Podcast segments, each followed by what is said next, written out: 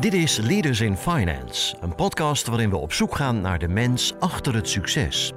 We praten met leiders van nu en later over hun drijfveren, carrière en privéleven. Waarom? Omdat er meer gesproken moet worden in de financiële sector.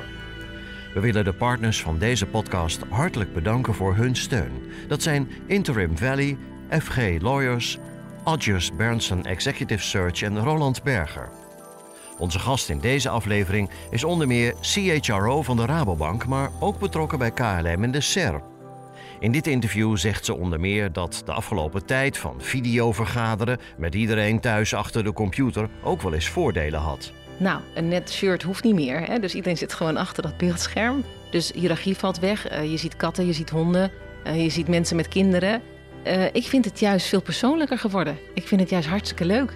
Het mooie aan haar eigen rechtenstudie, zegt ze, is dat je af en toe echt aan het twijfelen werd gebracht. Als jij denkt dat dit is wat het is, dan krijg je altijd een tegenargument van de andere partij en die je laat wankelen in je eigen denken. En ze vertelt over wat ze echt leuk en uitdagend vindt: grote verandertrajecten. Ik vind die grote transformaties, dat is waar ik warm voor loop. Onze gast in deze aflevering is Janine Vos.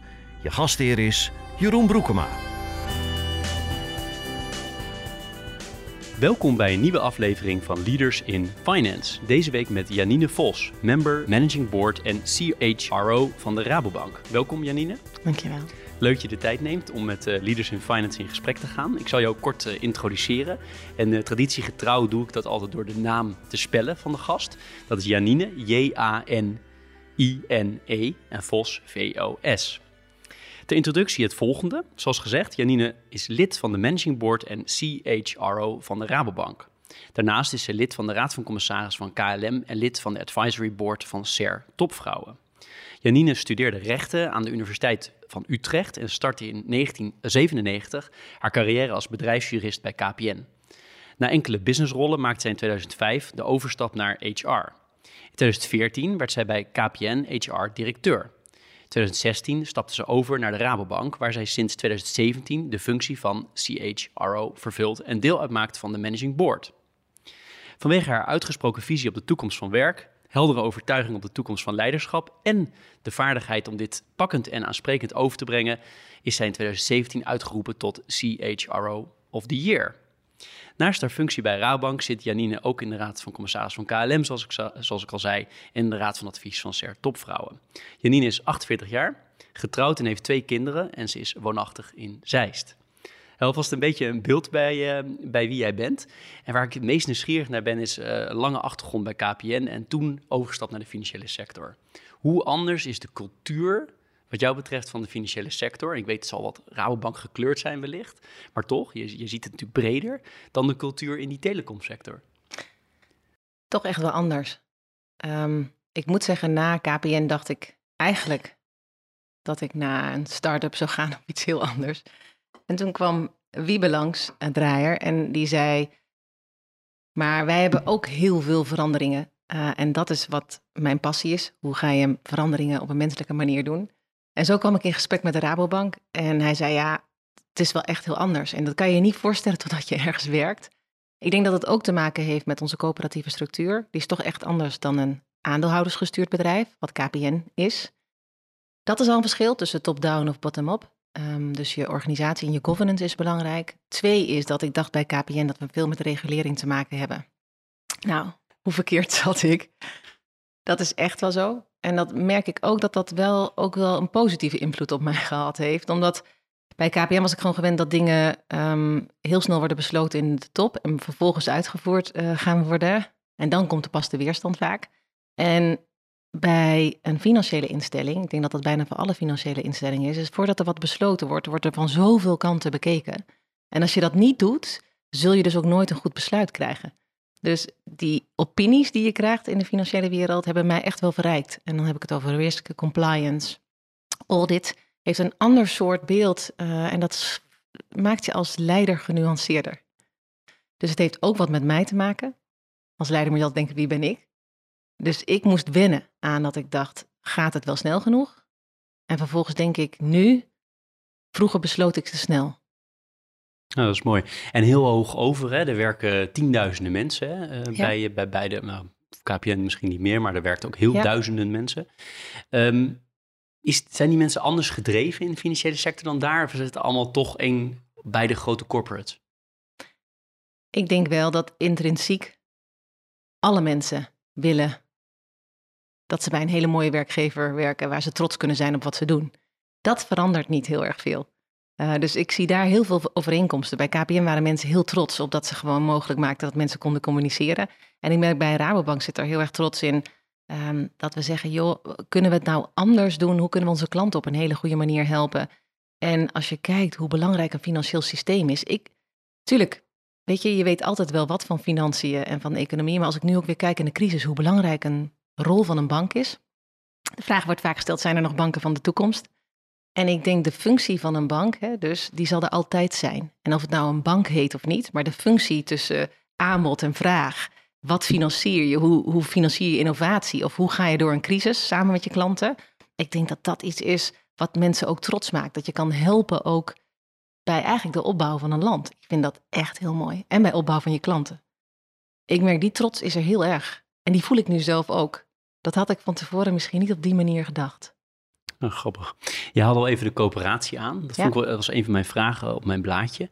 Ehm, hoe zit dat nou precies? Want ik weet zelf, toen ik eh, lang geleden bij ABN AMRO werkte... als accountmanager, waren altijd jaloers op de Rabo als lokale concurrent... die altijd overal betrokken bij was, alles sponsorde. En aan de andere kant hoor je de laatste jaren van die coöperatie... een beetje op zijn retour, dus een NV. En, maar hoe zit dat nou precies met die coöperatie? Is dat er nog steeds of niet?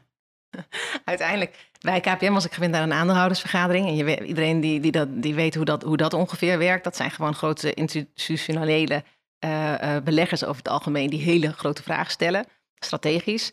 Eh, wij hebben een algemene ledenraad die opgebouwd is uit vertegenwoordigers van lokale banken. Dus je krijgt echt zoveel mee van wat leeft in de maatschappij, wat klanten heel belangrijk vinden. Het is een totaal andere besturingsvorm. En dat maakt het direct best wel spannend, vind ik ook. Want aan de ene kant zien we dat we goedkoper moeten worden. Hè, dus digitaler ook. En digitaler betekent ook je processen moet uniformeren. En het feit dat wij, elke lokale bank had voor 2016 zijn eigen licentie. En betekent ook een soort eigen werkwijze. En dat kan niet meer in de tijd waar regelgeving heel belangrijk is. Maar ook KYC en CDD. Moet je gewoon uniformeren. En dat is wel een strukkel tussen wat centraliseer je en wat hou je ehm, echt wel lokaal. Want dat is wel belangrijk. We zijn een bedrijf die dicht bij de maatschappij staan. Dus je moet die lokale banken daadwerkelijk zorgen dat ze wel voelen dat zij ook de klant vertegenwoordigen. En dat vind ik wel de struggle geweest de afgelopen jaren. Dat we ook wel eens feedback krijgen van, krijg ik nog bewegingsruimte? Dus die continue spanning tussen hoeveel bewegingsruimte heb je en wat moet je professionaliseren in de zin van processen die je strak moet trekken. Dat is wel ons dilemma. Dus eigenlijk een centrale coöperatie, kan dat? Ja. Ja? ik denk dat het echt kan. Omdat de lokale banken kennen de klant heel erg goed.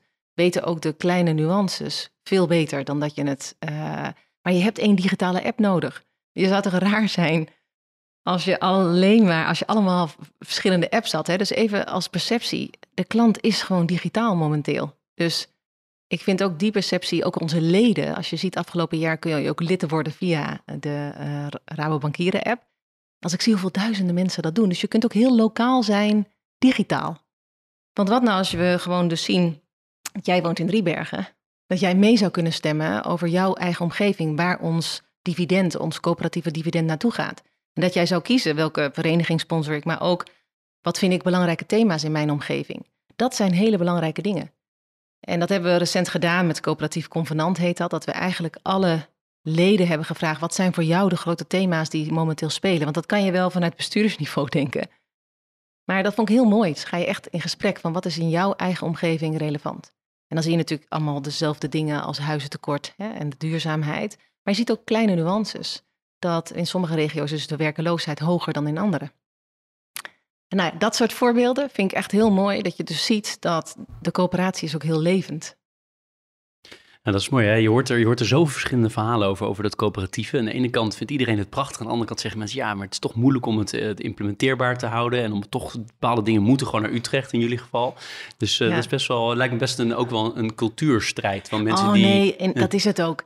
Ik, ik weet nog toen ik in 2016 eh, kwam, dat ik werd voorgesteld als eh, Janine Vos. En zij is de, ehm, wat was ik ook alweer? Ik was hoofd HR Utrecht. En toen dacht ik, oh, maar ik voel me verantwoordelijk voor de hele Rabobank. En ik denk dat die transitie hebben we wel echt gemaakt. Dat we de kracht zien van lokaal en ook lokaal ziet de kracht van het samen doen. En natuurlijk zitten daar spanningen tussen, maar die zijn goed. Ik vind niks mis met spanning. Ik vind in Nederland dat spanning altijd wordt uitvergroot, maar het heeft ook een enorme kracht. Ik kan me iets meer voorstellen. Aan de HR-kant. Ja. Uh, nog een vergelijking uit mijn eigen, um, uit mijn eigen verleden. Toen ik uh, een serieuze groep mensen ging aansturen, toen realiseerde ik me pas hoe ongelooflijk veel, en ik zeg het een beetje plat, maar shit er uit de organisatie komt. Omdat er, er zijn mensen in privé die hele erge dingen meemaken. Mensen op het werk erge dingen meemaken. Er zijn ruzies. Er zijn, je maakt op dat moment opeens alles mee. Had ik me nooit zo gerealiseerd dat er zo ongelooflijk is. Nou, als je 40.000 geloof ik, ja. 45.000 mensen, moet je ongelooflijk veel ook jou bereiken. En waarschijnlijk de meest erge dingen komen misschien ook wel bij jou terecht. Is dat zwaar soms? Ja, dat vind ik soms wel zwaar. Ik vind het ook weer heel mooi. Want ik denk dat mensen heel veel delen en daar ben ik ook echt heel erg blij mee. Ik wil ook heel graag heel benaderbaar zijn. Um, en ik denk dat dat wel vaak wordt onderschat. Iedereen heeft het over de digitale transformatie. Maar je digitale transformatie red je alleen maar als je de menselijke as ingericht hebt. Want IT komt vanzelf wel naar je toe. Maar de vraag is, willen mensen daarmee werken? Um, hoe gaan mensen om met verandering? En daar zit jouw vraag in. Verandering betekent voor ieder individueel wat anders. Voor alle 43.000 betekent verandering wat anders. Als je dat realiseert, kun je soms denken, waar begin ik mee? En ik denk dat je altijd begint, daarom vind ik deze podcast ook zo mooi, met leiderschap. Dus uiteindelijk, wat wil je als leider uitstralen? Hoe professionaliseren we? Het is heel belangrijk. En vervolgens moet je alle medewerkers betrekken met wat vinden wij belangrijk. En ik denk één belangrijk facet daarvan is het luisteren en toch wel die signalen oppakken. En sommige mensen beginnen ook wel een verhaal met, um, ik voel me een beetje bezwaard om het aan jou te zeggen, maar ik zit ergens mee. En de manier waarop je daarmee omgaat, of je een week later reageert of direct dezelfde avond. Hoe je start met je communicatie. Die kleine dingen zorgen dat je een cultuur opbouwt. Want ik ben mij heel goed bewust dat mensen me schrijven die soms het water aan de lip staat. En daar moet je wel heel bewust van zijn. En ook in dit coronajaar kreeg ik bijvoorbeeld vragen van Janine, je focus je te veel op jongeren. dus hoe vervelend het is voor jonge gezinnen. Maar besef je dat als ik alleen thuis ben, uh, dat ik me eenzaam voel en dat, ik dat, dat dat minder sociaal geaccepteerd is om dat te zeggen dan een jonge ouder die zegt: Ik kan dit even niet doen. Nou, dat soort dingen ben ik juist heel blij dat mensen daarmee komen. Maar daar kan ik wel, of als ik een communicatie doe en mensen zeggen van, uh, ja, ik vond je er niet zo goed uitzien. Dan denk ik, uh, dat vind ik heel fijn. En tegelijkertijd denk ik, oh, dan moet ik er de volgende keer weer beter uitzien. Want eh, dus ik vind ook heel belangrijk dat mensen jouw feedback teruggeven en vervolgens dat je daar ook wat mee doet. Um, dus die, die, die, ja, die scheidslijn is heel erg dun. En mensen maken, iedereen maakt hele nare dingen mee in zijn leven. En hele mooie dingen. En als je daarmee om kan gaan als bedrijf, dan denk ik dat je pas echt succesvol wordt. Ja, want ik kan me voorstellen, pre-corona zag je mensen toch vaker dat je ook sneller signalen toch oppikt. Van mensen net anders gekleed zijn, of wat jij bijvoorbeeld al zei, of net opeens geen koffie meer drinken of eerder naar huis gaan of ik noem maar wat dingetjes.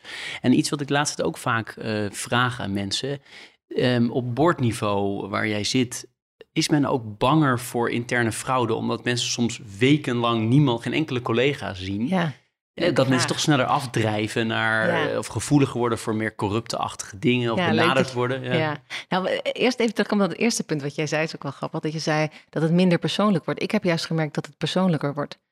Omdat in ons bedrijf, we zitten ook in, in 38 landen, en het werd hiervoor altijd een beetje gevoeld als, if you ain't Dutch, you ain't much. Hè? Want we zijn gewoon het grootste in Nederland. En nu is iedereen gelijk. Dus ik heb het gevoel dat ik veel meer met alle landen te maken krijg. We hadden één crisis die ons verbond, want COVID was overal. Dus ik heb nog nooit zoveel geschakeld met Zuid-Amerika, waar ik zag dat het winter was, uh, mensen met dikke truien aan. Dat was me hiervoor niet gelukt op zo'n grote schaal. Dan was ik één keer per jaar daar naartoe gevlogen, zie je mensen even. En nu, nu maak ik het, heb ik het veel dichterbij gemaakt, dat is één. Twee is, um, nou, een net shirt hoeft niet meer. Hè? Dus iedereen zit gewoon achter dat beeldscherm. Dus hiërarchie valt weg. Uh, je ziet katten, je ziet honden, uh, je ziet mensen met kinderen. Uh, ik vind het juist veel persoonlijker geworden. Ik vind het juist hartstikke leuk. Dus, en ik merk ook dat het soms fijn is um, dat je moeilijke dingen met elkaar kan bespreken en het nog um, kleiner voelt of zo in je eigen omgeving, waar je dingen uitspreekt die je lastig vindt. Dus ik ben eigenlijk ik hou heel erg van de combinatie van beide. Maar ik heb, ben ook de voordelen gaan zien van het persoonlijke, wat dit betekend heeft, dat de hiërarchie voor een deel weg, wegvalt in een bedrijf. En fraude, ja. Ik heb, ehm, ik heb wel eens vaker gedacht, we moeten eens een keer een experiment beginnen. Dat we, dat we veel meer thuiswerken en hoe dat nou werkt. Dat had ik nooit voor elkaar gekregen, omdat dit een van de redenen waren die heel veel mensen altijd zeiden als, ja, maar je werkt fraude in de hand. Wij zien niet uit de cijfers dat dat zo is. We zien geen stijging afgelopen jaar. We hebben heel goed naar gekeken. Van hoeveel stijgingen zien we? Je ziet natuurlijk niet alles, dus het kan nog zijn dat het komt. Maar ik merk juist in de crisis dat mensen zijn te vertrouwen. En dus de meeste mensen deugen. Dat boek zou je kunnen zeggen, het werkt echt zo. En de vraag is, wat doe je met de, nou ja, 1 of 2 procent die niet deugt? Daar moet je dingen voor opzetten en ook goede signalen snel onderkennen. Maar ik ben nog steeds overtuigd dat dit een voorbeeld is geweest dat de mensen deugen. Mooi, dat boek wordt overigens ongelooflijk vaak door bestuurders in de financiële sector bij mij in deze podcast aangehaald. Het is oh, volgens mij het meest genoemde boek. Mensen toch uh, bepaalde, ja, er heel veel uithalen. Het is, uh, is, ook een van de CEO's die zei van, ik, um, ik vind het verplichte kost voor elke commissaris een CEO. Uh, ja. ja. En dat komt denk ik ook wel omdat de laatste jaren zoveel terecht zoveel nadruk op CDD en KYC. En wij natuurlijk ook dagelijks in financial crime fighting zien dat sommige mensen niet deugen. Dus voor je, voor je eigen beeld kan dat soms ook denken, zijn er nog mensen die wel deugen?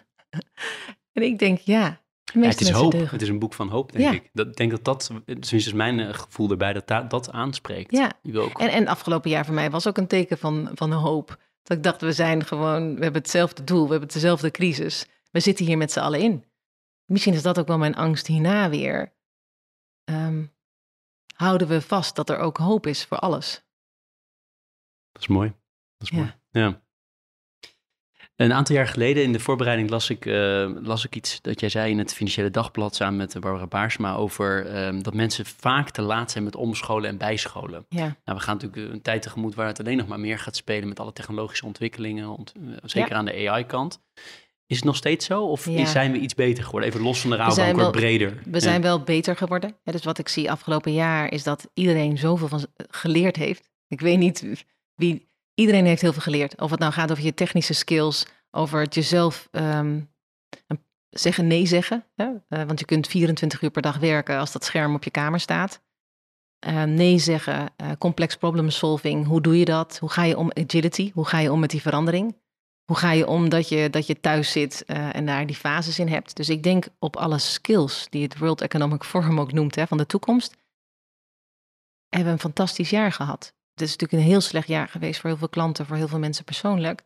Maar op skillsetsniveau wel een heel goed jaar. Wat je ziet is dat naar de toekomst toe, wat wij zien bijvoorbeeld, en ik denk niet dat wij enige zijn in de banken, is dat mensen heel veel ontwikkelen, maar vaak in hun eigen kolom. Dus mensen blijven bijvoorbeeld in de finance uh, kolom of de risk kolom of uh, de sales kolom of de lokale banken. Terwijl wij zien dat maar 5% van onze mensen cross-functional mobility noemen we dat, dus uit hun eigen silo's gaat als je het hebt over de toekomstige problemen, zijn die juist leuk omdat je die vanuit meerdere kanten moet kunnen zien.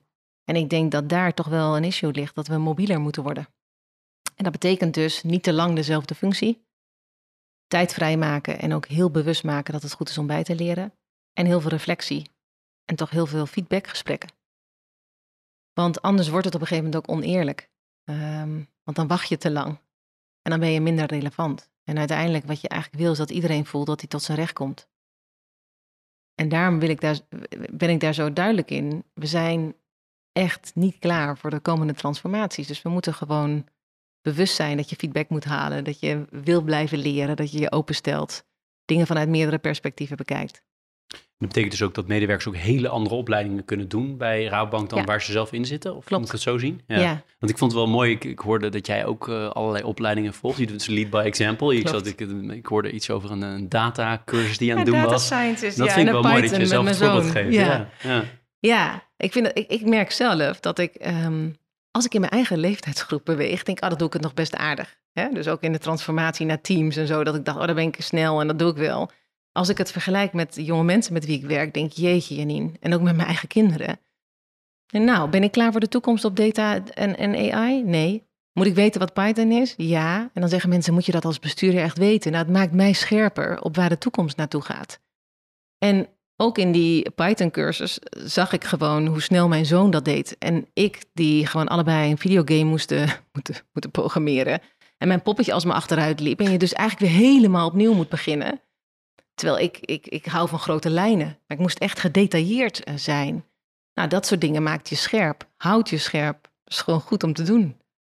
En ook afgelopen jaar heb ik heel veel gecommuniceerd. Dat ik gewoon zo nu en dan een externe communicatiedeskundige laat kijken en zeggen: wat, wat kan ik nou beter doen? En natuurlijk wil ik het liefst horen dan dat diegene zegt: ah, je doet het echt heel goed. Maar je moet ook realistisch zijn. Uh, als leider moet je openstaan voor je eigen nou, schaduw, is het misschien ook zo nu en dan. Ja, daar ben ik mij wel heel bewust van. Ja. Om de draai te maken naar jou en dan veel langer geleden. Kan je iets delen over hoe je bent opgegroeid? Ja, ik kan, uh, natuurlijk kan ik daar wat over delen. Ik um, ben opgegroeid in Overijssel, in een klein plaatsje. Um, heel beschermd, echt heel beschermd. En ik denk wel dat ik al snel dacht van, uh, oh, ik wil heel graag naar een stad. uh, mijn ouders komen allebei van, uh, mijn grootouders waren allebei ondernemers. Uh, mijn ouders hebben bewust gekozen om dat niet te, te zijn. Dus dat die hebben ook de nadelen van ondernemerschap gezien. En mijn vader is echt een risicomanager. Mijn vader heeft uh, meer dan 40 jaar bij ING gewerkt. Wilde ook graag dat uh, ik bij een bank ging werken toen ik afstudeerde. ik zei, pap, dat doe ik niet. Ik denk dat dat een beetje hoort in je eigen ontwikkelingen. Dat je soms ook afzet van je ouders om jezelf te bewijzen. En toen ik bij Rabobank ging werken, was wel heel grappig. Het was rond de kerst, denk ik, dat mijn vader opbelde en zei: Pap, ik ga iets anders doen.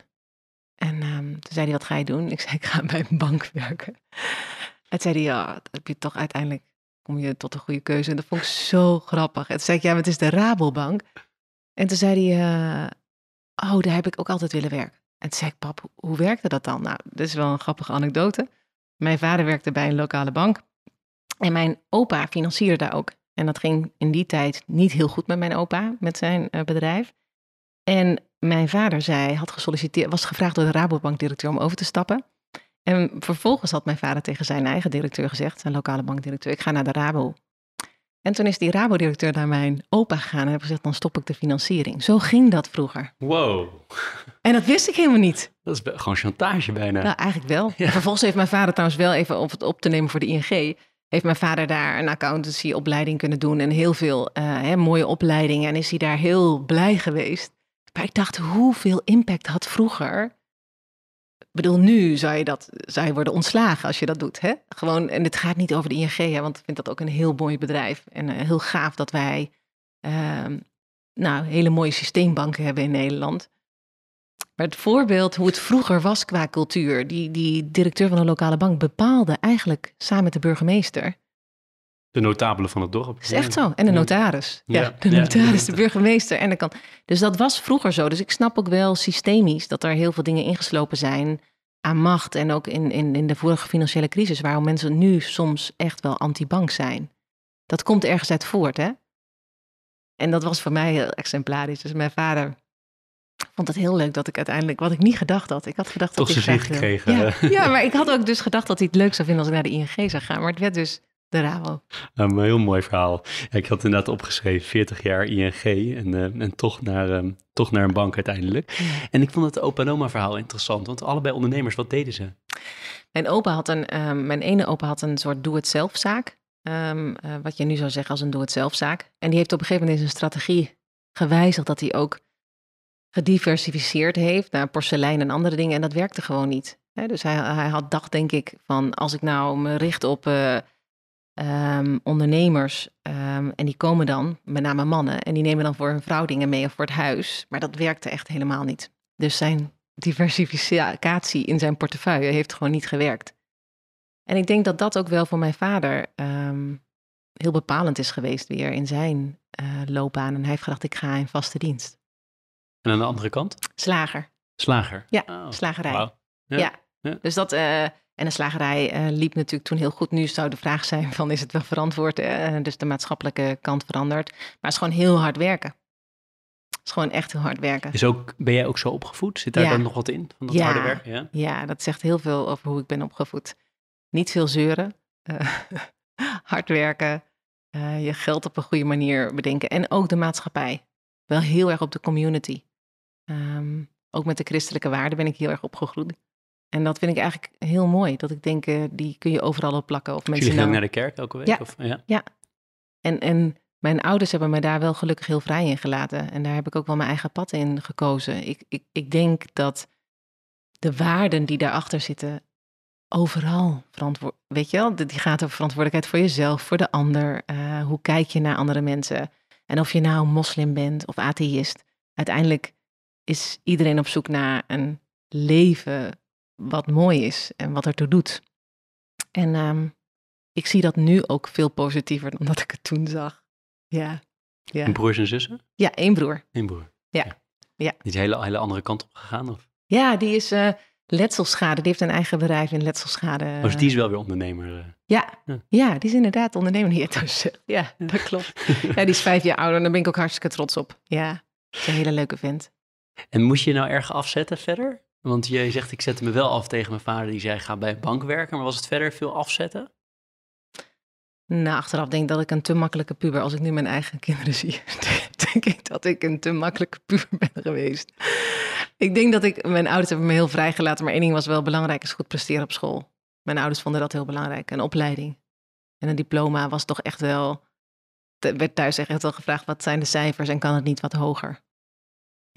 Competitief? Ja, ook vrij competitief. Ja, ik mijn vader mooi. Mijn vader ehm, is een enorme voetbalfan. Ik ben ook een voetbalfan, maar dat was heel mooi. En ik ging zwemmen en ik weet nog heel goed als ik de eerste was dat mijn vader altijd zei... ja, als je dat derde keerpunt de volgende keer niet zo goed doet, dan word je tweede. En dat, dat weet ik gewoon nu nog. Denk ik, ja, en daar kan je naar kijken en denk je, jeetje, wat... Nee, helemaal niet. Dat is gewoon zijn manier om te zeggen, je moet altijd kijken wat je zelf beter kan doen. Dus niet naar je competitie kijken, maar gewoon zelf bekijken, wat kan je beter doen? En daar ben ik achteraf heel dankbaar voor. Ja, dat kan natuurlijk aan de ene kant heel mooi en dat kan ook doorslaan. Dat je bij alles gaat denken van, hoe kan ja, ik dit nee, beter maar ze waren Dat- ontzettend liefdevol. Eh, mijn ouders eh, zijn een en al liefde. En dat vind ik wel echt heel mooi. Ja, Prachtig, prachtig. Nou, dan is het meestal ook makkelijk om het door te geven, denk ik. helemaal waar. Ja. Waarom rechten? Omdat mijn vader geen politicologie of geschiedenis wilde financieren. Dat is eigenlijk het eerlijke, eerlijke antwoord. Mooi dat het ook gezegd wordt als financieren, echt eh, als een bankier. Maar dat was ook zo. Als ik daar nu aan denk, denk ik, oh. ehm, en, het, en, en het was dus ook wel een terechte vraag. Eh, nou ja, ik denk dat het ook goed is dat hij, dat hij me challengede op eh, waarom maak je die keuze. Ik had een fantastische geschiedenisdocent op het VWO. ehm, en die man kon zo mooi verbanden leggen tussen allerlei periodes en, en, en dingen nu. Dat ik dacht, dat is gewoon, dat is het vak wat ik zou willen. Ik heb nog steeds een fascinatie voor geschiedenis. Ik, ik, ik- de kinderen vinden het ook heel leuk. Nou, die vinden het soms ook irritant, maar ik kan nu dingen met ze lezen voor school. En dan zeg ik, kijk, en dat heeft hiermee te maken. En deze, deze trend heeft zich doorgezet. En, en die, nou, dat vind ik heel mooi. Dus het was meer een liefhebberij, denk ik, dan de vraag, wat wilde ik daar naar de toekomst mee eh, gaan doen? Maar het werd rechten. Ja, omdat mijn vader zei, ik, ga, ik wil geen liefhebberij financieren. Dus dat was puur zo gedreven. Ik denk dat En het vond je het leuk, studie? Ja, ja ik, eh, ik vond het, weet je wat, wat het is? Ik vind het gewoon gaaf. Het, wat aan het studeren heel gaaf is, dat je ehm, leert breder te kijken. En dat je sociaal weer heel veel nieuwe dingen opdoet. Ik denk dat die combinatie van beide in heel veel studies zit. En ehm, ja, ik vond het analytische heel mooi. Dus kijken naar tekst en denken, wat kan je eruit halen? En toch ook wel de genuanceerdheid die je leert. Niets is wat het is. Dus als jij denkt dat dit is wat het is, dan krijg je altijd een tegenargument van de andere partij en die je laat wankelen in je eigen denken. Ehm, daar heb ik bij rechten wel ook wel heel veel van geleerd. Ja. Zo nog één vraag over studententijd, maar voordat ik het vergeet, we hebben het over je vader, maar je moeder heb ik eigenlijk Ja, niks over gehoord. Dat is eigenlijk wel gênant dat Terwijl daar mijn moeder, niet, eh, niks terwijl mijn moeder heel belangrijk in mijn leven is. Eh, ehm, want mijn moeder is, is ehm, wat ik heel mooi vind, is dat mijn moeder, die is, ja, ik denk dat iedereen een ego moet hebben, maar mijn moeder heeft er eigenlijk geen. En dat vind ik heel onzelfzuchtig, altijd voor een ander. Mijn moeder werkt al jaren in de, eh, in de zorg met, eh, met mensen die dementie hebben. En dat doet ze zo mooi. Ja, vind ik echt prachtig. Ja, daar kan ik echt van genieten. Denk ik, dat zou ik zo niet kunnen. Mijn moeder heeft zo'n rust. Ehm, altijd denken, wat kan ik doen om jou te helpen? Ja, ja. Mijn kinderen zijn ook dol op mijn moeder. Ja. Ja, dat snap ik wel. Er komt een hoop aandacht. eh. Ja, dat is echt zo. Ja. Ja. En je ouders werkten allebei eh vroeger? Nee, mijn of- moeder, mijn moeder is, eh, dat was ook wel in die tijd, was het ook eigenlijk normaal. Mijn moeder had ges- ge- geleerd voor kinderjuf om te stoppen als je ging trouwen. Mijn moeder heeft daar nooit van gezegd dat ze daar spijt van had, maar ik vond het, ik vond het zelf wel, ik heb mezelf wel, dat heeft mijn vader altijd wel gezegd, je moet economisch onafhankelijk zijn, dan maak je betere keuzes. Ehm, en mijn moeder heeft altijd gezegd, je moet gelukkig zijn. Dus als ze mij weer gestrest zag of ik het wel, eh, nou, of het cijfer hoog genoeg was, zei mijn moeder, uiteindelijk gaat het om je geluk. Dus als jij niet wil leren, dat hoeft niet, hè. Dus ik heb beide in me. Ja, Mooi als je dat kan balanceren tussen die twee. Ja. Terug naar de studententijd. Wat, Ja. voor, wat voor studententijd was het verder? Even los van de studie. Ja, ik heb echt enorm genoten van mijn studententijd. En tegelijkertijd wilde ik wel binnen de tijd klaar zijn. Dat is een beetje dus die balans die ik, eh, die ik dan altijd zoek. Eh, tussen resultaat nastreven en tegelijkertijd ook lol hebben. Ja, ik heb daar wel ook geleerd in het nu zo nu en dan te zitten. Dus niet alleen maar met, ik was altijd alleen met de toekomst bezig. En eh, dat is ook heerlijk aan je studententijd, dat het soms ook zorgeloos is. Achteraf denk ik, oh wat heerlijk was dat. Dat je elke ochtend kon bepalen. En, mijn, mijn vriendinnen die, die medicijnen deden, die moesten echt een bed uit. Dat hoefden wij natuurlijk niet. Dus het was heel erg zelfstudie en, en je moest jezelf aan de gang krijgen. Daar heb ik heel veel van geleerd. Ja. Je noemde al even de geschiedenisleraar. Die had best wel impact op jou. Je vader hebben we gehad, je moeder. Zijn er nog andere mensen, of je ze nou wel of niet bij naam noemt, maakt mij niet uit. Maar die heel veel impact hebben gehad op die, op die levensfase totdat je ging werken. Ik denk dat deze wel belang, het, belangrijkst waren, maar ook vriendinnen. Ik denk dat je sociale netwerk, mensen om je heen. Ja, ik heb wel de drie, vier vriendinnen die ik nog steeds zie. Eentje nog van de lagere school en eh, eh, ja, met z'n zessen zijn we van de middelbare school. Die zie ik nog steeds. En een daarvan is mijn beste vriendin. En dat vind ik wel heel. Dat, die zijn heel bepalend geweest. Ja. Daar ga je ook, dat vind ik zo interessant. Ik weet niet of jij dat ook hebt hoor, maar als je teruggaat naar je ouders, val je weer terug in je kindrol. Bij hun val ik weer terug in, in, in, in hoe ik was op de middelbare school. Omdat je, daar ken je iemand het best. En de, de, de fase daarna doet er eigenlijk niet meer zoveel toe. Dat is echt heel leuk. Extreem herkenbaar, Ja. absoluut. Ja, ook met, met, met broers en zo, dat je direct weer in de, Ja. oude, in de oude sfeer komt. Dat je denkt van, hé, hey, hoe, Ja. eh, hoe kan dit? Ja. nee, dat eh, absoluut. En ehm, waarom KPN? Hoe Nou, dat is op zich ook wel een leuk verhaal. Ik, ik, ehm, ik weet nog dat ik. Je had dan in die tijd dat je van je studievereniging had je van die dagen, dan kon je inschrijven voor bedrijven. En ik schreef me in voor eh, de ING, voor ABN AMRO en voor KPN.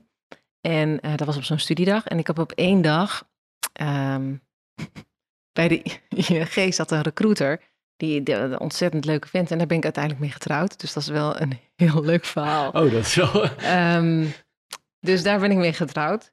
Ehm, de ABN AMRO heb ik stage bij, hè, heb ik stage gelopen. En eh, KPN deed me een aanbod voor traineeship. En daar ben ik uiteindelijk gaan werken. Dus op één dag, zeg ik wel eens gekscherend tegen mijn studentenhuis, zei ik dan, van heb ik en een man en een stage en een baan. Dat was een mooie dag geweest. ja, 9 april. Ik weet, het- ik weet het nog. Ja. Ja, dat was een hele effectieve dag. Dat is heel effectief. Maar nog steeds snap ik niet waarom dan KPN. Wa- wa- Wat, gaf de doorslag om daar te gaan werken? Want als die Omdat ehm, de recruiter die daar zat ehm, mooi kon vertellen wat technologie ging betekenen. en jouw man niet. dat is een vraag. Dat is wel echt een hele leuke vraag. Ja, nou, de- trouwens, daar ging nog wel een tijd aan vooraf hoor. Het is niet zo dat hij direct eh, voor een date vroeg hoor. Maar dat, ehm, ja, het was overtuigender, inderdaad. Het was overtuigender wat de KPN verkocht. Ja, Hij was overtuigd op een andere manier blijkbaar. ja Dus, hij, eh, was, hij was anders overtuigend. Maar dat was echt wel zo dat ik. En dat is natuurlijk ook zo. In die tijd hadden we nog geen eens een mobiele telefoon. En, en eh, wat zij gingen vertellen over waar, waar technologie naartoe gaat. Ja, fascinerend vond ik dat. Ik vind die grote transformaties. Dat is waar ik warm voor loop. Maakt niet zo uit of, dat, of je dat inkadert in, in een bank of in een, in, een, in een silo als HR. Of gewoon hele grote veranderingen waar een menscomponent in zit. Dat is wat ik, wat mijn passie is. Ja, dat is, ehm, dat, dat is heel helder als je, als je veel over jou leest en hoort. Een van de dingen die ik ook eh, las is dat je, en dat vond ik wel mooi, dat je eigenlijk elke week even heel gespannen wil zijn over iets. Is even mijn woorden. Ik weet niet of je het zo verwoordt, maar iets dat je Ja. echt zegt, ik wil het gewoon echt even spannend hebben. Ja, klotsende oksels of een zweetsnor noem ik dat. En dat, nou, dat, dat, zeg eh, ik ook heel vaak tegen mensen die eh, bijvoorbeeld coaching of die vragen van wat zou je me aanraden? Omdat zo nu en dan heb je die spanning nodig. Vond het gisteren ook heel mooi. Volgens mij was het Ibrahim Afellay die dat zei. En ook Marco van Bas- Basten, dat zelfs Messi, hè, dat hij overgeeft voor een wedstrijd. Wist jij dat? De man heeft alles bereikt. Het gaat de beste voetballer ooit worden, denk ik. Ehm, of tenminste, misschien dat er nog een mooier op staat, maar dat kan bijna niet. Dat hij zelfs nog overgeeft. Hè, dus de spanning om te performen. Kijk, het moet niet je lijf overnemen. Hè. Overgeven gaat dan bijna over het randje. Maar die soort van spanning dat je je, je beste zelf bent, dat heb je gewoon nodig. Maar hij roept dat niet op, het gebeurt gewoon. het maar bij jou gewoon. klinkt het alsof je het ook oproept. Ja, omdat ik ook zie dat dat, dat omdat ik ehm, in het begin denk van mijn carrière dat best wel, ehm, dat ik dacht, oh Janine, eh, de spanning kan mij, kon mij soms naar beneden halen. En ik dacht, nee, ik moet spanning gaan gebruiken in mijn voordeel. Het is fijn dat je even ergens zenuw over hebt, want dat betekent dat je het goed wil doen. En dat ik ook echt in mijn hoofd ging zeggen, dit heb ik nodig. Dus ik heb denk ik in mijn hoofd er een andere twist aan gegeven, omdat het me anders in mijn carrière tegen zou gaan staan. En ben je dan ook beter Ja. als je onder die druk komt te staan? Ja, ben ik beter. En ik, soms zoek ik het wel eens op naar de randje. Dat ik denk, moet, moet je dit nou allemaal willen doen? Waarom doe je dit? Hè? Dat heb ik ook wel eens vragen die ik dan s'avonds heb. Van waarom doe je dit? Of waarom plan je dit nou? Of waarom zoek je dit op? Ehm, ik denk omdat ik daar gewoon efficiënter van word. Maar ook het gevoel dat ik leer. Eh, en soms val. Eh, en met dat vallen leer ik ook weer heel van. Dat klinkt allemaal heel eh, abstract misschien, maar ja, ik denk überhaupt in het leven dat als je, ehm, als je nooit het donker zit, ziet, geniet je minder van het licht. Ik denk dat ik dat fijn vind aan ouder worden, is dat ik steeds meer zie, eh, als ik ergens licht zie, dat ik daar ook veel blijer van ben en veel meer van geniet. Eh, en vroeger wilde ik misschien wel voorkomen dat ik het donker zou zien. En nu denk ik, soms zoek ik het op, dat ik spaal of dat ik iets niet goed doe. Ehm, ik, ik word daar makkelijker in naar mezelf. Vroeger wilde ik geen fouten maken. Maar die maak je altijd. Ben je ook minder hard voor jezelf als je, Ja. als je voor je naar eigen Ja. gevoel gefaald hebt over Ja. iets? Ja, minder hard naar mezelf. Hoe doe je dat? Toch wel tegen mezelf zeggen. Ja, ja. En weet je wat zo leuk is? is dat natuurlijk... ehm, iedereen heeft het over communicatie. Maar meer dan 80% van de tijd praat je met jezelf. Dus ik denk, toen ik me dat ging realiseren, dat ik degene ben die het meest met mezelf praat, ging ik ook bedenken, ik zeg dus dingen tegen mezelf die niet kloppen, waardoor je brein op een gegeven moment gaat denken dat het waar is. En sinds ik daar veel meer over gelezen heb, van wat kan je doen om je brein te beïnvloeden, dat vind ik super interessant. Dus ik zeg dan ook dingen dat ze niet waar zijn. dat klinkt allemaal heel zweverig.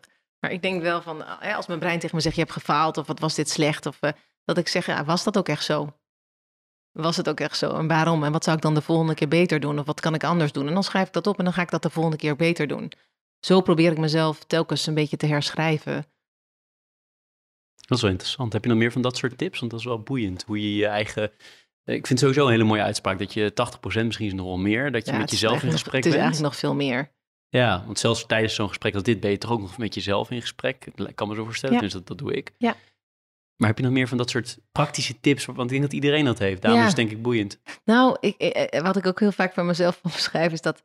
ehm, ik heb ergens gelezen ehm, eh, dat je vier soorten breinen hebt. En eerst is je reptiele brein, wat altijd gaat om angst. Dus bij verandering is de eerste reactie is angst of wat doet het met mij of wat heeft het impact. Het tweede is het zoogdierenbrein, gaat heel erg over wat vindt de ander ervan, val ik buiten de groep. En bij de derde, die neocortex, ga je pas logisch nadenken. En bij de vierde gaat het over je gut feel. Hè, dat je gewoon, dus eh, heel vaak denk ik ook als ik mijn eerste reactie is ehm, dat ik ergens tegen ben bijvoorbeeld, dan ga ik denken, ook zit in mijn reptiele brein. Dus ik geef er woorden aan. Ik denk, ik zit in mijn angst.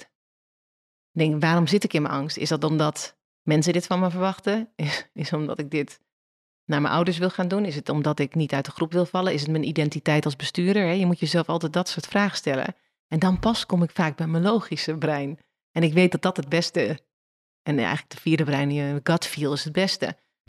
Dus dat soort tips, ehm, daar doe ik wel heel veel mee. Dat ik probeer mezelf mijn eigen gedrag te verklaren. Als ik me slecht voel, denk wat is er aan de hand waardoor ik dit heb? Ehm, en ook als ik me goed voel, denk waarom voel ik me goed? Ja, klinkt het? Klinkt nee, het klinkt wel mooi. Het klinkt juist dat je heel erg reflectief bent op je eigen handen. Ik denk dat dat iets is wat, wat, wat heel mooi is, omdat iedereen dat denk ik zou moeten doen en het ook heel veel mensen veel blijer zou kunnen maken. Ja, Want die angstreactie die, die is denk ik voor iedereen herkenbaar. Iedereen Ja. heeft bepaalde dingen waar je heel angstig voor bent. Als je dat naar die tweede of derde box of vierde box kan brengen, Ja. dan scheelt natuurlijk wel een hoop. en ook je angst uitspreken heeft me ook heel erg geholpen. Want je hoeft niet perfect te zijn. Mensen vinden het wel vervelend als je perfect wil zijn. Ja, we zijn gewoon allemaal mensen met Ja. angsten, Ja. met overleving. Ik kan wel voorstellen dat de mensen in de organisatie zeggen, ja, dit komt natuurlijk weer van de, van de hoofd eh, HR. dat, is dat zo? Of is, is dat een rare gedachte? Nou, ik denk wel Of dat doet, eh, dat doet het- jullie CEO, jullie CFRO en, en welke andere boardmembers er allemaal zijn, doen die dat ook wel? Ik denk dat het heel erg. Ik denk dat het wel past waarom ik voor dit vak gekozen heb. Omdat ik wel heel erg geïnteresseerd ben in hoe, hoe verander je gedrag. Dus het past wel bij mijn vakgebied. Maar wil niet zeggen dat iedereen dat in mijn vakgebied ook interessant vindt of ehm, ehm, voorleeft. Ik denk wel dat je dat bijna iedereen, als je, een, als je een gesprek hierover doet, zal iedereen bijna wel wat delen. Ik denk dat dat ook wel hoort bij de nieuwe generatie bestuurders.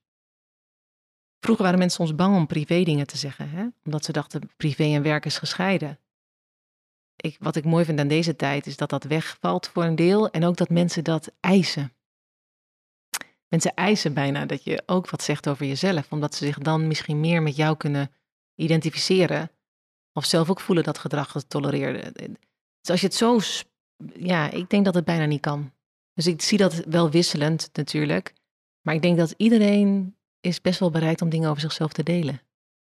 En mijn ervaring was wel, is ook een van de redenen waarom ik deze podcast begonnen ben, is dat in de financiële sector we, Ja. hè, als ik het zo mag zeggen, daar niet per se in, voor- in, in voorop lopen. Nee. En dat er juist daar nog wel wat meer openheid mag zijn, zeker ook van de, van de top. Nou, dit is een mooi voorbeeld van de top die dat wel heel erg doet. Maar het is toch niet altijd even makkelijk om iets persoonlijker te worden. Het vraagt wel, ja, ook om over uit, misschien wel uit die, die angstbox, die Ja. eerste eh, primaire box, eh, om daaruit te stappen, te durven stappen. Ja, en het brein is over het algemeen ook heel groot.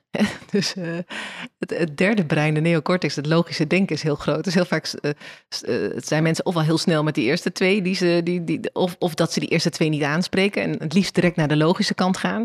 Terwijl er is altijd een reptiele kant. Ah, dat is interessant. Je zegt ook, je moet juist ook weer terug. Ja, Ja, want dan, je kan hem ook gebruiken juist naar die derde box te gaan, of noem maar even box, ja, om jezelf uit de angst te krijgen. maar dat is heel Maar je kan ook juist weer Juist, erin moeten. juist. Ah, Oké. En dat je zo nu en dan ook denkt van, maar is het heel effectief? Als ik zo rationeel hierover nadenk, bereik ik dan mijn organisatie door alleen maar op dat logisch te gaan denken? Ja, nee. Want je moet ook het collectief aanspreken, wat dat, wat dat, ehm, hè, dat ehm, zoogdierenbrein is. Die moet je aanspreken in een organisatie. Ik denk niet meer dat het van deze tijd is dat je alleen maar logica naar mensen toe brengt. Want we zijn, weet je, computers zijn logisch. Het is juist leuk dat wij als mensen dat niet zijn. De grap wordt juist dat we niet zo logisch zijn. Dat maakt het natuurlijk toch interessant qua besturing. Mensen zijn niet logisch, dus ga ze alsjeblieft ook niet alleen maar logisch benaderen. Het maakt het wel simpeler. Hè? Dus eh, alleen maar logica zorgt ook wel dat je gewoon al dat gedoe waar jij het net over had, hè? wat mensen soms denken als gedoe, denkt dat dat er niet is. Hè? Of rationaliseer dat het er niet is. Dat is natuurlijk, dat is natuurlijk ongelooflijk. Nee, het maakt veel makkelijker als je het gewoon wegdrukt. Ja, Dan bestaat het niet. Dan zijn ik. mensen getallen geworden. Ja. Dan kun je gewoon zeggen, ik snij er wat mensen uit zonder erbij na te denken. En misschien Ja. wel, maar dat werkt natuurlijk niet zo. En het werkt niet zo. En het werkt op een gegeven moment ook voor je organisatiestructuur. Ook voor je productiviteit werkt het niet. Hè? Want heel veel mensen denken, oh ja, dat is leuk, dus een HR-stroom aan die andere kant. Kijk, dat, ehm, de World Economic Forum doet jaarlijks een onderzoek naar happiness. En dan denken mensen, happiness, haha. Maar happiness is ook productiviteit, hè? Dus 13% van de mensen wereldwijd voelt zich maar fully engaged in wat ze doen. En dat is in Nederland niet beter. Heel veel mensen denken dat is alleen in het buitenland. Dat is in Nederland niet beter. 77% van de mensen zegt dat hun skills niet voldoende wordt benut. Vanuit productiviteit is dat waste. En als je het hebt over sustainability, de waste in de menselijke keten is enorm. Hè?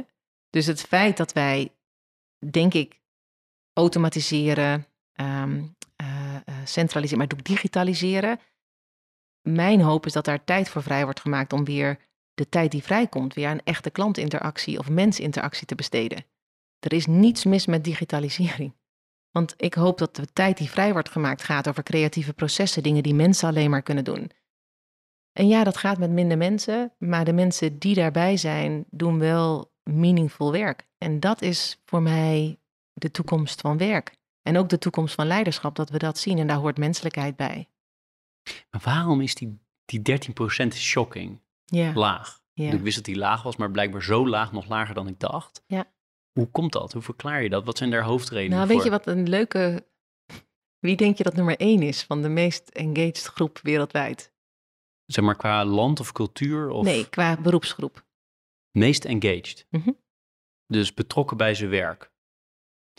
Ik zou natuurlijk bankiers kunnen zeggen nu, maar dat doe ik niet. Ehm, ja, ik denk dus mensen die, eh, die eh, kunnen bijdragen aan hetgene wat we het allerbelangrijkste vinden, namelijk gezondheid. Dus in, iets in de hoek Ja. van gezondheid. En die staat zeker in de top 3, maar nummer één is boeren. Oh, Dus dat is wel dus heel ook heel primair natuurlijk gewoon eten. Juist, het gaat dus over. ehm, kijk, Purpose heeft iets eh, gekregen als een beetje wat mensen uitgekoud vinden, maar uiteindelijk gaat het wel over een hoger doel. En weten waarom je iets doet. Wat, doe je iets meaningfuls? Draag je ergens aan bij? Ehm, en de boeren is natuurlijk ook natuur, wat heel belangrijk is. Ehm, en ook vrijheid. Terwijl ze onwijs hard werken. Eigenlijk een moeilijk dagritme hebben, hè? heel veel boeren ook.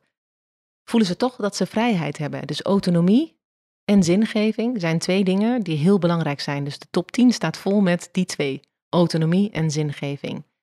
En ik denk als organisaties, als we ons daar niet voldoende bewust van zijn, gaan we dus ook niet redden om het juiste talent voor onze organisaties te krijgen.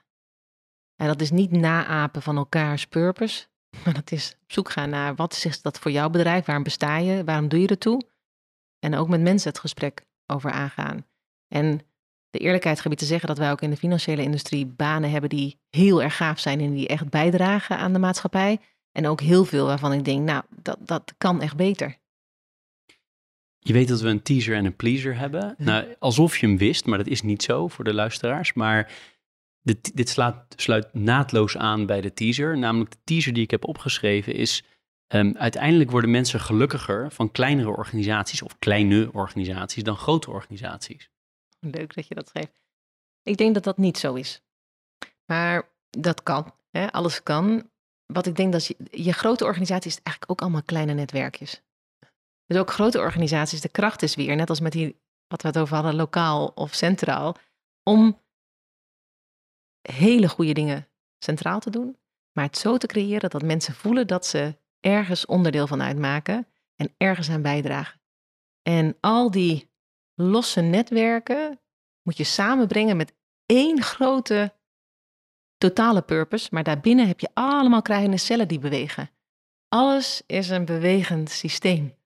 En al die kleine systemen zijn misschien een groot bedrijf, maar ook kleine bedrijven hebben weer systemen die kleine systemen zijn. Alles is een klein. Jij bent een systeem met jouw gezin. Eh, ook in Driebergen, waar je woont, ben je ook onderdeel van een systeem. Eh, je werkt, wij zijn nu onderdeel van een systeem. Dus alles is systemisch. Maar ik ga de teaser toch een beetje eh, spicen. Kijk, je zegt zelf autonomie is het allerbelangrijkste. Ja. Eh 13% van de mensen, een van de hoofdredenen waarom die boeren het zo, eh, zo, Ja. zo blij zijn, is omdat ze toch ja, heel veel autonomie hebben. Ze bepalen zelf wat Ja. ze zaaien, ze bepalen zelf wanneer ze oogsten, wat ze doen. Het is natuurlijk hoe je het went of keert, maar in een grote organisatie ben je toch uiteindelijk ook meer een radertje dan dat als je voor jezelf of in een kleine groep werkt. Nou, dat wil ik er even in de mix gooien. En het andere is dat, dat meer dat rudimentaire brain waar je het over had, of hoe je het noemde.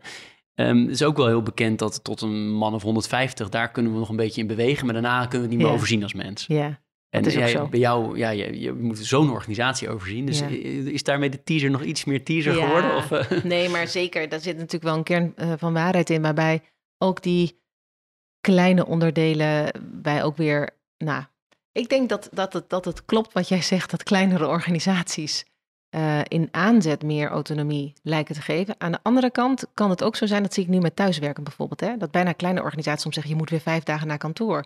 Waarbij mensen bij ons autonomie vinden, dat ze straks zelf kunnen bepalen, ga ik naar kantoor of niet. Dat is wel een voordeel van een groot bedrijf die wel geprofessionaliseerd is in heel veel policies. ehm, soms ook geld heeft om te innoveren eh, op dit soort vernieuwende thema's. dus alles is ook weer afhankelijk van de leider. Ik zie ook, um, bijvoorbeeld FNV vertelde mij, dat ze best veel klachten krijgen van, van kleinere bedrijven, waar uh, leiders weer zeggen, je moet vijf dagen naar kantoor, ook al is het COVID, laat de rest van Nederland maar thuis werken. Dus we, ik denk dat dat ook wel een voordeel kan zijn van een groter bedrijf, dat je, nou, dat je soms ook meer verschillende kennisgroepen hebt, waardoor je er ook weer vakmanschap technisch anders over nadenkt. Nou ja, en er is ook ruimte natuurlijk om meer opleidingen daarnaast te doen. Als je in een klein bedrijf bent, moet je 100% daarmee bezig zijn. Zeker, en, en al die vakmanschappen bij ons waar je in kan specialiseren. Dus ik zeg niet dat het wit of zwart is. Ik zeg ook niet um, dat kleine bedrijf alles heeft, alles heeft zijn nut. En het vraag is heel erg, wat past bij jou als mens? En hoe kan jij je eigen vrijheid creëren? En als je dat niet kan creëren in een grote organisatie, past een kleinere bij je. En in een kleiner bedrijf kan het soms voelen dat je het juist weer te veel controle misschien hebt, waardoor je een, een groot bedrijf weer prettiger vindt. Hoe je het ook went of keert, ik vind jouw thema heel mooi leiderschap. Ik hoop nog steeds, en daar ben ik tot nu toe, nou, geen gelijk nog gekregen, maar dat de beste mensen kiezen voor goede leiders. Blijf niet bij leiders die niet het juiste voorbeeld geven, want alleen zo creëren we dat we nieuw leiderschap krijgen. Prachtig, uh, allesomvattend antwoord. Heel mooi. Um, aan de pleasende kant stellen we altijd dezelfde vraag, namelijk heb je een bepaald boek of boeken um, die jou erg geïnspireerd hebben of die je graag cadeau doet of, of anderszins? Ja, twee boeken. Eén, What Got You Here Won't Get You There van um, Marshall uh, Goldsmith. Hele ervaren coach die echt iedereen gecoacht heeft, alle grote leiders. En een hele gave techniek daarop nahoudt, dat, dat hij zegt wil je echt wat veranderen, moet je, moet je eerst starten bij iemand thuis. Dus hij begint eerst uh, bij de man of vrouw uh, te vragen. Hè? Dus, dus bij de partner van, van degene van wat vind je irritant. En ook als er kinderen zijn, bij kinderen. Um, en vervolgens laat hij ze betalen voor telkens als ze fout gedrag doen. En letterlijk laat hij je geld op de grond vallen. Dat is natuurlijk wel Amerikaans, hè. Maar het zegt wat over dat hij zegt, je moet, je moet ergens zijn waar het pijn doet. Je moet jezelf zo nu en dan willen pijnigen om ook je schaduwkant als leider te zien. En hij heeft een soort checklist van twintig dingen die je niet moet doen als leider. En die heb ik een jaar lang naast me gehad. En elke vrijdagmiddag als ik dan naar huis ging, dan uh, zette ik muziek op die, waar ik heel erg van hou. En dan afhankelijk, als het een slechte week was, dan draaide ik Hazes. Als het een goede week was het Beyoncé. En dan ging ik altijd mijn checklist. Welke twintig heb ik deze week weer aangetikt? En dat heb ik een jaar lang echt consistent gedaan. En daar leer je zoveel van. Kun je jezelf verbeteren? Ja, joh.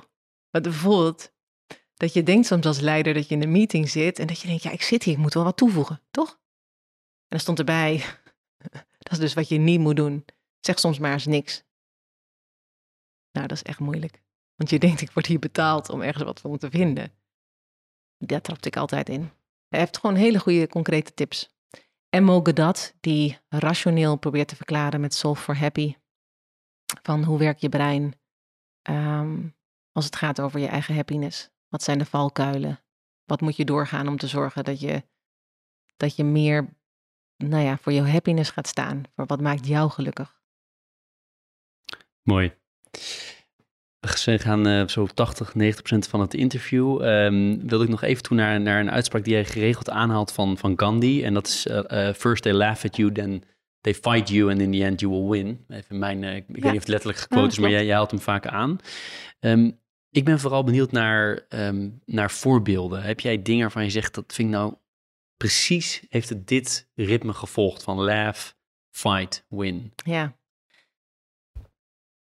Bij KPN waren we al bezig met um, werkgeluk. En ik dacht, de volgende fase van werkgeluk is een beetje hè, Socrates die ook zegt, het gaat eigenlijk over liefde. En in de MeToo-beweging heeft, dat een, heeft dat natuurlijk een verkeerde connotatie, maar het gaat eigenlijk over liefde voor jezelf en voor de ander. Um, en voor je omgeving en dus voor de natuur. Het heeft een hele breedte. Dus toen ik startte bij de bank, dacht ik, nou, dan gaan we het daarover hebben. En toen dacht ik, oh, dit is echt te ver, Janine. Dat, dat, dat, dat, is, dat, dat, dat, dat, dat, nou, dat is niet uh, de juiste toon. En toen zijn we gaan praten over happiness. En in het begin had iedereen zoiets van, ja, leuk hoor, komt een HR-directeur en die gaat het over happiness hebben. Ja, ha, ha, ha uiteindelijk achter happiness, als je het boek ook van Mogadat leest, zit heel veel rationaliteit. de grote filosofen hadden het al over, uiteindelijk wil iedereen nou ja, op zijn doodbed, of sterfbed kunnen zeggen, dat hij gewoon een goed leven gehad heeft. En dat kan heel veel vormen hebben, hè, wat jij belangrijk vindt. En dat je daarna streeft. En, en dat vond ik, dacht ik, ik ga gewoon doorzetten. Dan ben ik maar degene die wordt gezien in eerste instantie als, oh, die Chief Happiness Officer. Maar ik geloof zo in werkgeluk. Ik geloof dat dat de motor is in heel veel organisaties. En ik heb het nu met COVID gezien. Als je echt wat doet aan werkgeluk, dus well-being, als je zorgt dat je juiste policies hebt, als je diversiteit en inclusie echt omarmt en het serieus ook wil weten. Wat ik leuk vind op sommige thema's, is dat ze in eerste instantie mensen dachten, nou laat er maar even gaan. En wat ik nu leuk vind, is dat ik alweer bezig ben met de volgende fase en mensen het nu aan het herhalen zijn in onderdelen waarvan ik dacht, hoe gaaf dat jullie met werkgeluk bezig zijn. Hebben ze ook gefight? Ja. Laugh dus wel, maar Ja. fight ook? Ja, veel impliciete fights. Ik denk dat wat mensen vaak niet durven, is om rechtstreeks een fight met je aan te gaan, maar wel in de onderstroom. Ehm, Nog veel moeilijker mee om te gaan. nog veel moeilijker om mee om te gaan. Omdat je mensen daar soms last van gaan krijgen. Dus ik niet direct, maar mijn mensen. Ehm, of thema's op diversiteit en inclusie. Zie je ook dat mensen ehm, bang zijn dat je een groep voor gaat trekken. En dat, je, dat een bepaalde groep ook niet meer ertoe doet. Dus mensen gingen ook wel de onderstroom zeggen. eh, jij wil alleen maar vrouwen. Of jij wil alleen maar eh, multiculturele talenten. En eigenlijk gaat het dan over een groep die zegt: waar blijf ik? Heb ik nog kansen? Dus die fight, die moet je zelf organiseren. Dus die ben ik ook echt wel intern, doen we der X'en, waar we hele controversiële thema's aankaarten. En ik denk dat dat, die fight moet je opzoeken, omdat je anders zelf in gaat geloven in je eigen gelijk. En vervolgens moet je dat willen voelen in je organisatie, want dan kom je pas tot dialoog. En ook dat heb ik moeten leren, is dat een dialoog niet gaat om wat jij ervan vindt, maar dat je die anderen leert te begrijpen. Mooi. Waar ben je het meest trots op in je loopbaan tot nu toe? Moet best lang over nadenken. Maar niet uit. Ik denk toch, eh, ik, moet, ik ben nou even mijn hoofd aan het. aan ik denk toch wel dat je dat mens, dat je dat, je dat mensthema echt aan de bordtafel op heel veel vlakken erin kan krijgen. En dat vind ik echt heel gaaf. En dat gaat over nieuwe manieren van werken. Die eh, nu met het hybride werken, daar ben ik echt trots op. Dat je vol kan houden op thema's. Dat je op diversiteit en inclusie het verschil kan maken. En wie benoem je, wie beloon je. Daar ben ik wel trots op. Mooi. Ja. Leuk. Ehm, jij bent ongeveer de 70ste plus minus, ik weet het niet exact, don't quote me, eh, leader in finance eh, eh, gast. En ik heb iedereen hetzelfde gevraagd en ik verzamel ze dus. De, de 1, 2 of 3 of meer tips voor starters op de arbeidsmarkt. En misschien wel, als het kan, specifiek voor de financiële sector, maar mag ook breder. Kies de eerste jaren voor breedte. Ga heel veel vakgebieden zien. Laat je niet overtuigen dat één deel het belangrijkste is. Wat ik gemerkt heb bijvoorbeeld bij starters bij ons, is dat heel veel mensen starten in het echte vakmanschap van finance. Ja, dus aan de wholesale of, of de finance kant, financials voor financials. En daar kom je niet altijd snel weg, omdat iedereen zegt, ja, maar wij zijn het belangrijkste binnen een bank. En hier wordt het geld verdiend. Of ehm, ons vakmanschap is heersend. En wat je dan krijgt, is dat je te weinig diversificatie krijgt, ook in jouw portfolio als mens. Dan, dan ga je toch wel met oogkleppen naar de wereld kijken. Dus ik zou zeggen, kijk breed in je loopbaan. Ga eens een half jaar ergens anders werken, of misschien wel twee of drie jaar.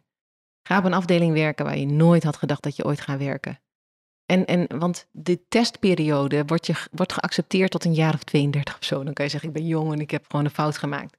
Ik ben ooit ook een keer wilde controller worden, omdat ik dacht dat het goed was voor mijn carrière. Nou ja, dat soort dingen moet je gewoon soms doen om te weten of je er, dat je er goed of niet zo goed in bent. Of dat het je vak is of niet. Ga gewoon, ga ook breder kijken. En tuurlijk, op het moment dat een huis komt of je uh, andere financiële verplichtingen krijgt, uh, uh, snap ik dat de keuze minder makkelijk wordt voor mensen om te overwegen. Maar doe dat gewoon de eerste tien jaar. Je bent ook commissaris bij KLM. Ja. Ik kan me voorstellen dat gezien de COVID-crisis die voor sommige sectoren heel anders uitpakt dan voor andere ja, sectoren. Hè? Dus voor Rabobank komt er denk ik makkelijker doorheen. Tenminste volgens ja. nog vanaf, vanuit gaan dat er niet al te veel afgeschreven hoeft te gaan worden op kredieten. Maar een sector die natuurlijk keihard geraakt is, misschien wel het hardst, bijna het hardst van allemaal, is, is de luchtvaart. Um, daar kan je volgens mij fulltime mee bezig zijn. Ja, ja, dat is ook wel een challenge. Die, die, die, uh, de rol van commissaris is anders dan de rol van de raad van bestuur of groepsdirectielid. En uh, daar heb ik wel mijn grens aan moeten geven. Bij mezelf ook. Want mijn, mijn hart ligt bij dat vak. dus ik, je kan binnen de luchtvaart, is er nu zoveel aan de hand, dat je, dat je daar ook dagelijks mee bezig kan zijn. Maar je moet jezelf challengen, wat is mijn rol? En mijn rol is de juiste vragen te stellen, de bord te helpen, goed te, te zorgen dat die transformatie goed gaat. Maar ik kan, dat kan ook niet, want dan zou, dan zou het ook gevaarlijk worden bij de baan bij Rabo en dat kan niet. Dus het, het feit dat ik te weinig tijd heb, helpt me om hier um, mijn rol goed te vervullen. Ja, ja. Maar het is een, ongelooflijk zwaar wat dat doet met een bedrijf. En ik snap ook dat heel veel mensen daar natuurlijk eh, wat van vinden. Maar uiteindelijk werken daar heel veel mensen heel bevlogen. En voor die mensen vind ik het echt zwaar. Voordat we nog vragen even hoe jij alles uh, managt, uh, privé en zakelijk tegelijk. Um, nog een vraag over de, over de toekomst. Je geeft overal aan dat je meer in het hier en nu leeft. Dus, ehm, maar toch, als je naar de langere termijn kijkt, zijn er bepaalde dingen waarvan je zegt dat zou ik echt uh, heel graag nog eens willen doen. En zou je daaraan gekoppeld, ik maak even twee vragen van om het wat ingewikkeld te maken, maar zou je het ook leuk vinden om een keer eind-eindverantwoordelijke te zijn in plaats van de HR-baas? ja, ik denk uh, niet in de financiële industrie, want dan, dan vind ik wel, ik vind toch wel de CEO van een onderneming moet wel echt in de finance, finance hoek voor een deel gezeten hebben. Niet het hele leven, maar zal toch wel um, daar meer nog de passie voor moeten hebben. Ik heb een passie voor grote menselijke veranderingen. En zodra, zolang die er zijn, ben ik super effectief en, en, en waardevol voor de bank, denk ik. Um, en je moet jezelf ook altijd afvragen, wat ben ik niet? Um, en ik vind die kant, de CEO-kant, zie ik ook dat heel veel kanten bij zitten waarvan ik denk, nou, daar, zou niet mijn kracht liggen. Is dat nou zo bij een andere onderneming? Nee, want je zou inderdaad, um, nou, straks gaan mensen denken dat ik solliciteer, maar je zou kunnen denken bij een bedrijf wat gaat over mensen. Uh, tuurlijk, waarom niet? Uiteindelijk heb ik altijd gezegd, wil ik heel graag bij de United Nations op mensenrechten eindigen. Uh, dat is uiteindelijk heel graag hoe ik oud en wijs wil eindigen. Wauw, dat is wel een heel mooi antwoord. Meestal krijg ik al ontwijkende antwoorden op, dit, uh, op deze vraag. Dus uh, maar dit is interessant. Mooi. Hoe organiseer je werk en privé en hoe heb je dat altijd gedaan? Hoe hebben jullie dat gedaan? Ja, nou, daar is mijn man echt uh, cruciaal in. Zonder hem kan ik deze functie niet doen. Um, en hij krijgt daardoor ook weer, hij heeft daardoor ook weer andere vrijheden die hij. Um, hij heeft zijn baan ook weer op een bepaalde manier. We hebben het samen eigenlijk georganiseerd. Dat is wat we deden. Ik vind het voordeel van um, thuiswerken nu dat ik zoveel meer meekrijg. Vind ik echt een, cadeau. en soms vind ik het dat ook niet. Mijn dochter zit in een eindexamen. Het voelt gewoon net alsof ik uh, weer zelf een eindexamen doe. Ik vind dat wel. Ik, zie, ik krijg zoveel meer mee. Dat vind ik heel erg leuk. Maar eh, zo nu dan moet je wel zorgen dat je emotioneel ook zo nu dan even denkt: ja, maar wacht even, um, um, dit is haar verantwoordelijkheid. dus dat, uh, ja. Maar ik denk dat, dat je grenzen aangeven is voor iedereen tegenwoordig echt wel. Dat vind ik zelf ook lastig. Ik, um, we hebben thuis hier, vooral toen de kinderen ook thuis werkten met school. Ik zat op de slaapkamer te werken en je ziet gewoon de hele dag je laptop. Dat is zo verleidelijk, joh. Het is zo verleidelijk om de hele dag. Dus je moet heel erg je grenzen aangeven. En daar ben ik nog wel op zoek. Daar ben ik nog niet. Nee. Nee. Nee, want zoals je eerder zei, hè, werk en privé was vroeger misschien heel erg gescheiden. Maar het kan Ja. misschien ook wel te geblurred worden. Ja. Ja, ik denk wel dat ik in die fase zit dat ik weer denk, oh, in de vakantie ga ik er weer goed over nadenken hoe ik straks nog weer een beter evenwicht eh, ga houden. Dat heb ik gewoon nu niet. Hoe blijf je mentaal en fysiek fit? Toch wel ook weer daar rituelen. Ehm, toch elke dag wandelen. Toch, al- ook al heb ik het heel druk, toch te gaan sporten buiten. Ehm, toch s'avonds nu ook, mijn zoon en ik houden natuurlijk heel erg van voetbal. Dus ik, ik, ik, ik, nou ja, ook al soms haal ik de eerste helft niet, maar de tweede helft kijken van voetballen s'avonds. Ja, daar, daar geniet ik van, omdat hij dan bij mij samen op de bank ligt. Ehm, en dat is voor mij misschien al maar drie kwartier, maar daar geniet ik enorm van. Ja, dus je, je, je moet het gewoon inbouwen. Tot slot, heb je nog iets waarvan je zegt... Jeroen, ik vind het heel jammer dat je dat niet gevraagd hebt. Ik heb ongelooflijk veel mogen vragen, dus eh, dat, eh, daar ga ik je zo voor bedanken. Maar heb je nog iets waarvan je zegt... nou, dat had ik toch eigenlijk echt wel graag willen zeggen? Of vind je het jammer dat je niet hebt gevraagd? Nee. Nee, ik vind het wel mooi hoeveel vragen je gesteld hebt. Ehm, nee, dat heb ik eigenlijk helemaal niet. Nee, ik hoop altijd dat mensen de nuance zien. Hè? Dus als mensen. Ehm, dat is wat ik hoop. Is dat niks is ideaal, niemand is ideaal. En samen moeten we er wat beters van maken. Ehm, ik zou daarvoor in de financiële industrie willen pleiten. We hebben allemaal hele mooie banen, hele mooie verantwoordelijkheid. En dat samen zorgen voor een beter financieel systeem. Met alle partijen om ons heen. Ik hoop dat, dat, dat er meer samen gaat gebeuren de komende jaren. Wauw, prachtig einde. Heel erg bedankt dat ik de kans kreeg om zo van vragen te mogen stellen. Het voelt altijd aan de ene kant als een groot voorrecht. Het voelt ook wel wat gênant dat ik zoveel mag vragen. Maar heel erg bedankt. Je krijgt na dit interview nog een, eh, een klein cadeautje eh, van ons voor alle tijd die je in eh, Leaders in Finance hebt gestoken. Dus nogmaals heel veel dank. Nou, jij heel veel dank. Ja.